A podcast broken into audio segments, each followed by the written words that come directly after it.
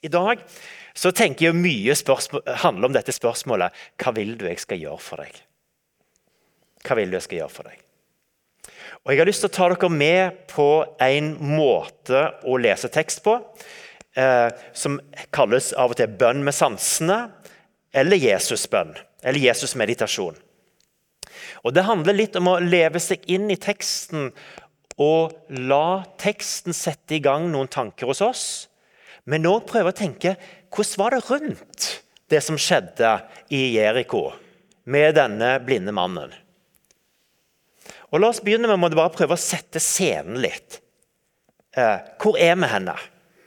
Og Min første assosiasjon da jeg begynte med å tenke scenen, det var jo litt Der står han var på vei ut av byen. Er det en markedsplass? Er det bare det at det er så mange som reiser forbi? Men jeg så for meg en markedsplass der ute forbi Jeriko. Der kommer folk måtte inn fra landsbygda med varene sine. Det er en markedsplass. Der sitter denne blinde mannen. Jeriko. Er det noen som husker noen historie fra søndagsskolen om Jeriko? Jerikos murer. Husker du det? Når vi skal gå inn i landet, så gikk de rundt denne muren, og så datt murene ned. Så Jeriko er et sted der de jødiske måte, røttene sier veldig tydelig, tydelig noe om at murer som faller. Murer som faller. Og så er det rett i nærheten av Dødehavet. Og Det vil si at det er det laveste punktet på landjorda. Det er under overflaten. Og Noen har tenkt kanskje er det ikke tilfeldighet at Gud blir menneske og blir født inn på det som er det laveste stedet på jorden. Fordi han ønsker å favne alle mennesker. Så det er settingen. Der er vi, i Jeriko. Jesus har nettopp møtt Sakkeus, han i treet. Det har vært mye oppstyr rundt det. Hvorfor han måtte valgte å bli med hjem til Sakkeus. Jeg ser for meg at det var dagen i forveien. Og Kanskje har Jesus overnatta hos Sakkeus, for alt vi vet. Men jeg tenker det, det, tar tid å lage til fest, så det kan ikke gått så fort. Så Jesus har vært på fest i går hos Sakkeus, og det har skjedd noe med Sakkeus som hele byen snakker om. Og så er han på vei ut av byen. Og så møter Nei, han møter ikke. Han hører. Han hører en som roper. Det er fra Jesus siste ståpet. Han hører en som roper. Hvem er det som roper? Og så skjer det en god del ting før vi kommer til underet. Og kanskje før vi kommer til spørsmålet hva vil du jeg skal gjøre for deg? Jeg ser for meg at det skjer et reelt møte mellom Jesus og denne blinde mannen. Hva heter du for noe? Bartimeus. Og Markus, som har skrevet fortellingen som er skrevet ned nå, han er tett på Peter, disippelen Peter.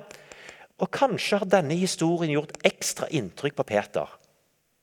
For når Matteus skal fortelle historien, så nevner han ikke navnet engang. Det var bare en blind mann. Faktisk to blinde. Så Hvis det var to blinde, men Markus forteller bare om Bartimeus, hva er det Peter har fortalt som gjorde inntrykk med Bartimeus? Var det livsfortellingen hans? Ja. Hvor lenge har du vært blind? Hva som skjedde? Var det sykdom? Ble du født blind? Det skjer noe i det møtet som på en eller annen måte gjør inntrykk på Peter. Og Bar Timeus betyr jo at han er sønn av Timeus. Altså, de hadde sånne navn som våre gode islandske venner har. Sant? Vel med Ragnarsdottir og sånn videre greier. Sant? Vet, vet hvor de hører til henne. Og det har de god kontroll på VEA, vet du. Hvor folk hører til. Det er bra. Uh, men her er altså Bar. Bar Timeus, sønn av Timeus. Er faren der? Er noen av familien hans måte, i nærheten? Er, hilser Jesus på faren?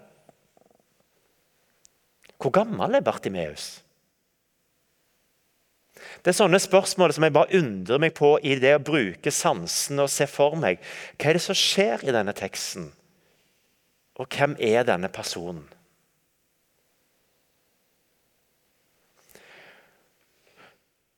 Og i, fall, I løpet av samtalen så vokser det fram et spørsmål som er naturlig for Jesus å stille. Hva vil du jeg skal gjøre for deg? Og jeg tenker I spørsmålet så ligger det noe som handler om respekt, verdighet. Empowerment er jo noe som må brukes litt i, i tenkning. Hvordan, hvordan er det vi møter mennesker?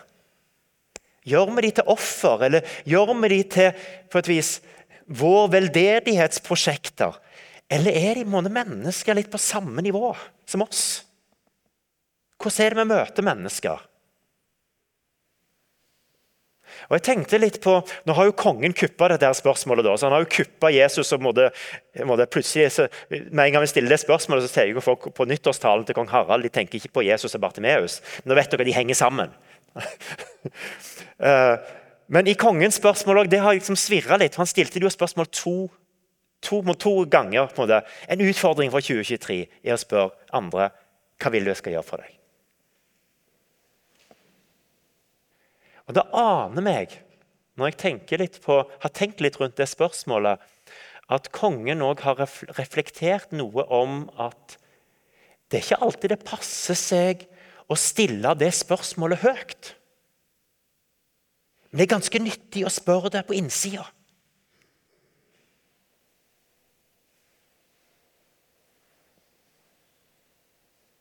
tenker på en spennende dåpssamtale denne uka der det kom fram Vi hadde jo dåp av en pappe her for, for, år, for, ett år siden. og Så kom det fram nå en pappe som ikke var døpt. Og så tenkte jeg ja, men det er jo en fin spørsmål. Har du lyst til å bli døpt, du òg? Eh, så var det liksom, ja, hva, hva, vil du jeg skal gjøre for deg? Bare reflekterte jeg litt, for da, da hadde jeg som det spør. Og da tenker jeg jeg må finne en måte å stille det spørsmålet på som gjør det måte, helt legitimt å si ja eller nei. Nei, det, det, passer ikke for meg nå. Ikke nå. Men så tenker jeg at ved å ikke stille spørsmålet, så gir jeg jo heller ikke muligheten til å ta et valg. Og så kom det bare sånn spontan reaksjon. Hm. Ja, det tror jeg. Det blir okra, da, så det blir, ikke, det blir på en vanlig gudstjeneste. Han var veldig klar for det. Han ville bli døpt sammen med sin sønn i en vanlig gudstjeneste. Det hørtes fint ut. og jeg tenker Det blir en rørende dåp i Åkra kirke. Kjempefint. Men det derre Ja, hva vil du jeg skal gjøre for deg? Og jeg tenker litt at eh, vi snakket i dåpssamtalen om det der med ulike portaler på en måte til tro at det fins natur og kultur og Bibel og fellesskap. og alt det der. Og så brukte jeg litt det bildet med Når Gud har skapt oss så unike at vi har hvert vårt fingeravtrykk, sier ikke det òg noe om at Jesu møte med oss òg kan oppleves unikt? Det er noe som er felles. Men det er noe som blir måte, Guds signatur i møte med deg. Og det er noe som blir min signatur i møte med Gud. Og Det betyr òg i svaret hva vil du jeg skal gjøre for deg, så vil svarene være forskjellige. Selv om vi har lignende livssituasjoner, så vil svarene være helt forskjellige.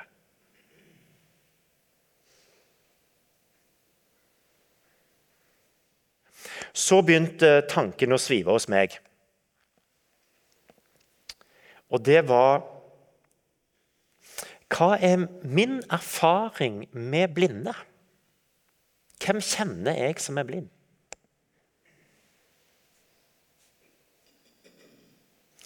Og så tenkte jeg ut fra det spørsmålet hva vil du jeg skal gjøre for deg? Så skal dere få tre tenkte svar fra tre blinde mennesker som fortsatt er blinde. Jeg ser for meg Kolanja fra Kamerun. Så kom jeg inn på kontoret til far min, som var leder på dette jordbrukssenteret. Og jeg ser for meg at far stiller spørsmål hva, hva trenger du, hva, hva vil du jeg skal gjøre for deg. Og Far er antagelig forberedt for å få et spørsmål om penger eller støtte. Det er jeg ganske sikker på. Det var ganske vanlig sant, å få spørsmål. Du, kona mi er syk. Sånn og sånn. Vi trenger penger. Og så svarer Kolanja. Jeg ønsker meg jobb. Har du jobb til meg? blinde Kolanja, står der på min fars kontor og sier 'Har du jobb til meg på jordbrukssenteret?' 'Jeg trenger jobb.' 'Jeg vil ha jobb for å brødfø familien min.' Jeg vet ikke hva rolle far spilte i hele prosessen, men jeg husker som guttunge å være på besøk hjemme hos Golanja og sitte og se hvordan han fletta korger til potetene. Han trengte noen som hjalp han til å få materialene på plass og kutta det opp. Så satt han og fletta korger eh, med poteter, passe store, sånn at en mann kunne bære dem. De var helt ideelle og stabla i høyden. Jeg har sett lastebiler fulle av korgen med poteter som Kolanja har lagd.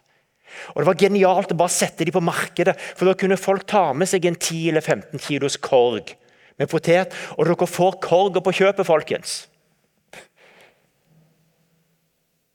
Han jobbet. Stolt.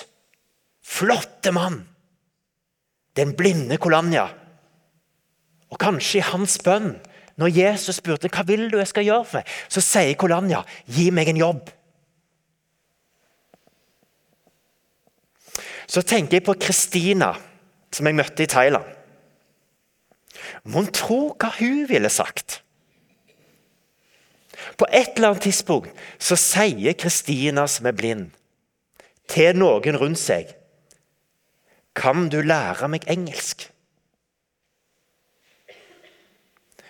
Og For 20-30 år siden så var engelskkunnskapen i Thailand annerledes enn i dag. Noen som har vært i Thailand, vet at det ikke alltid ligger sprekt i dag heller.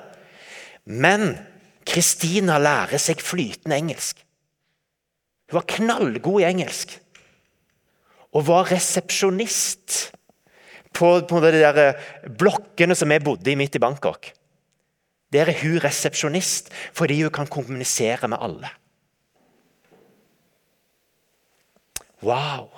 Hva vil du jeg skal gjøre for deg? Jo, lær meg engelsk.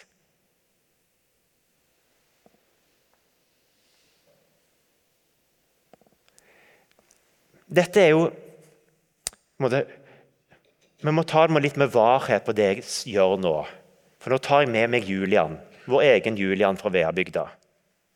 Men jeg tar litt inn i min fortelling på å tenke på Julian som guttunge som måtte tenke ja, hva vil du, eller hva vil du jeg skal gjøre, for hva trenger du? Jo, jeg vil spille fotball. Og jeg vil springe. Og jeg syns at jeg var ganske sprek når jeg kom inn på 39-40 minutter på sabbaløpet. Men 200 meter bak meg så kom Julian og pappen springende inn på sabbaløpet. Og det slår meg på en måte at ja Det er ikke alltid vi vet svaret på ja, hva vil du jeg skal gjøre for deg? At vi tenker liksom, ja, hvis du bare ordner det, Jesus, så vil de andre tingene palle på plass. Men er det sånn alltid? Og hva tanker har gått i Bartimeus sitt hode i møte med det spørsmålet, det vet vi jo ikke. Men Da skjønner dere på et vis at det setter scenen, det å leve seg inn Hva er det som skjer i denne dynamikken? og Hva gjør at det blir et godt møte mellom Jesus og Bartimeus? Og Hvem er han og hans livshistorie? Og hva har jeg med meg måtte, inn av min erfaring som måtte stille noen spørsmål? Og Jeg har kjent på det, og det, jeg må liksom innom den litt av og til. At, at jeg kjenner at jeg, jeg blir ganske sint når jeg hører helbredelsesfortellinger i, i Bibelen. Og, og, det handler mye om at det, er så mange som lever med tøffe liv. At jeg syns nesten at helbredelsen blir et hån mot de andre. Hva med meg, da? Og Nå har jeg fått lagt litt det sinne, litt til sides. Og jeg tenker min egen historie så tenker jeg jo litt at eh, Jeg har fortalt dere før liksom, måtte, det måtte, å miste mor som, som kreft som tolvåring. Og Jeg var jo sikker på at hun kom til å bli helbreda når jeg var tolvåring. Det var nesten så jeg forventa det. liksom. Hadde veldig stor tro på det. Men hun ble ikke helbreda.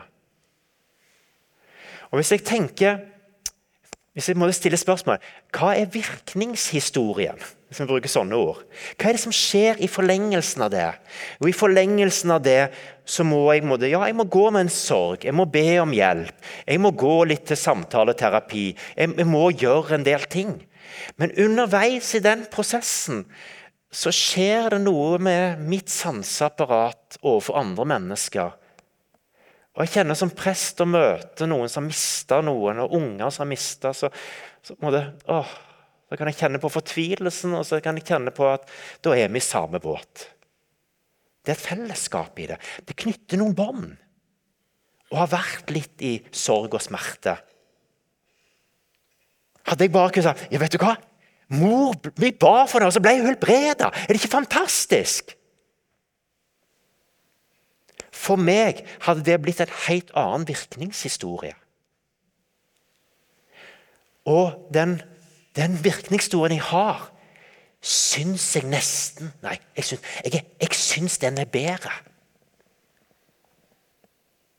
Sånn? Men heldigvis skal ikke jeg velge. Heldigvis. Og det er klart jeg hadde valgt at mor skulle bli helbreda. Altså, vi er ikke på det nivået, men det, det er bare for å stille spørsmål med hva, hva er det som skjer.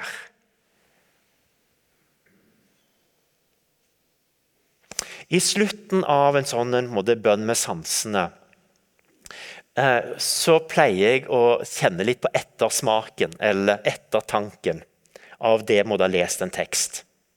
Og Dere skal få være med litt på ettertanke. Og eh, det, det, er jo mine tanker jeg nå òg projiserer litt inn i Bartimeus. For dette vet jo jeg ingenting om.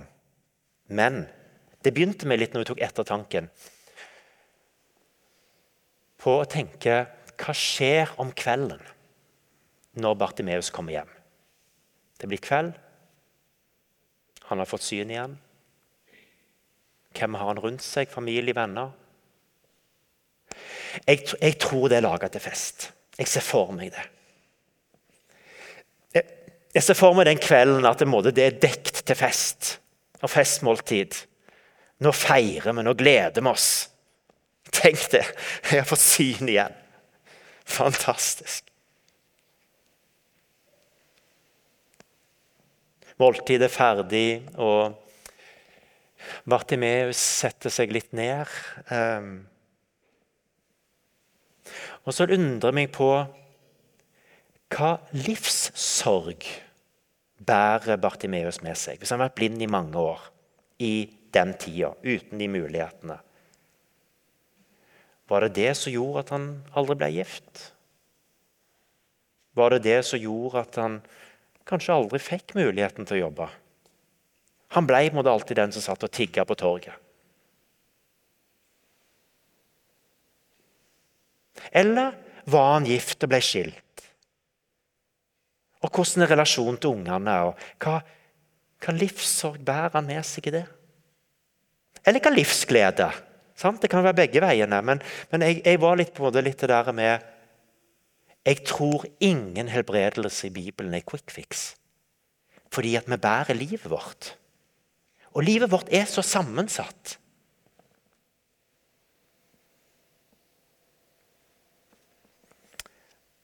Og så undrer jeg meg over om Bartimeus, når han sitter litt der og møter med Jesus kanskje òg i møte med sin egen livssorg sier til Gud den kvelden Gud, nå ser du at dette ordner seg. Takk for det. Men det er så mye mer jeg trenger hjelp til. Det er så mye mer. Og er det ikke sånn, folkens, at eh, når vi opplever at noe ordner seg eller legges til rette, så er det alltid det der eh, noe mer i livet og det er på godt og på vondt, men sånn er nå livet sammensatt.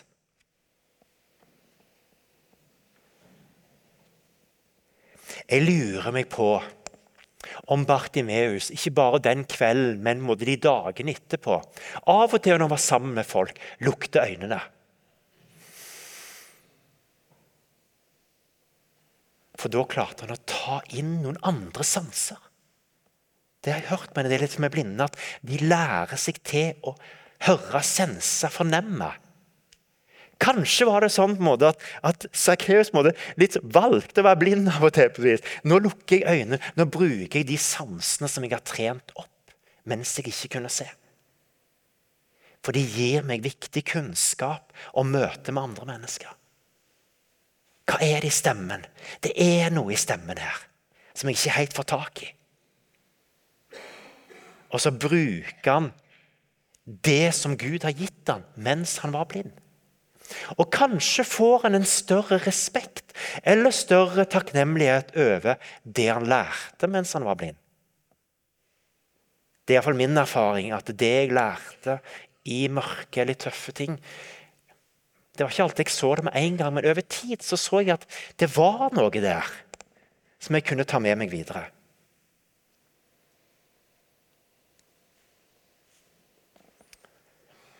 Og så har jeg en, og det, det, Dette er litt mi greie. Det ser jeg. Og det er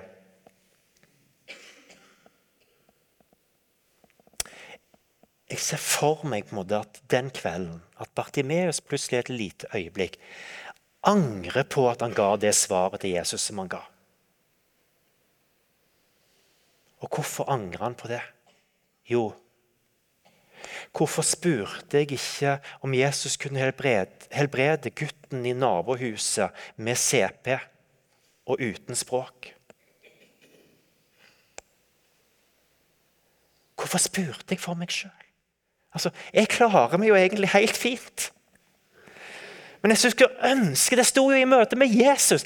Og så tenker jeg bare på meg sjøl. Og jeg har iallfall tenkt på et vis meg sjøl hvis jeg hadde blitt helbreda, og så møte andre da som Tenk å gå rundt i Jeriko og møte noen andre med funksjonsnedsettelse, kanskje større funksjonsnedsettelse enn det jeg sjøl hadde. Men det er så tøft å, å, møte de, se de i ansiktet. Eh, ah. Tenk om Jesus hadde helbreda nabogutten. Igjen, heldigvis, vi slipper å ta valget på sånt. Heldigvis. Men det er liksom bare den ettertanken som skjer i meg mot det å høre og lese en tekst.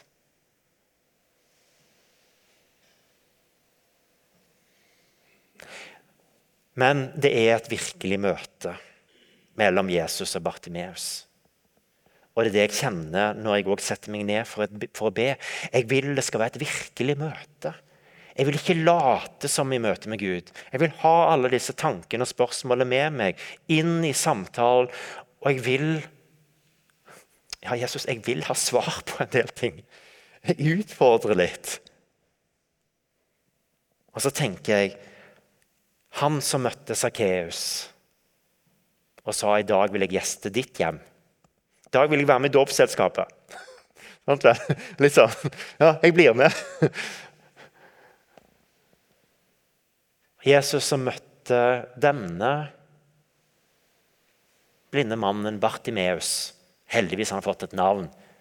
Matteus. Dårlig gjort å bare snakke om to blinde når han heter Bartimeus. Gi han noe verdighet. Han er ikke ingen vel som hvem som helst. Men Jesus møter han, og jeg tror at Bartimeus opplever det som et veldig respektfullt møte.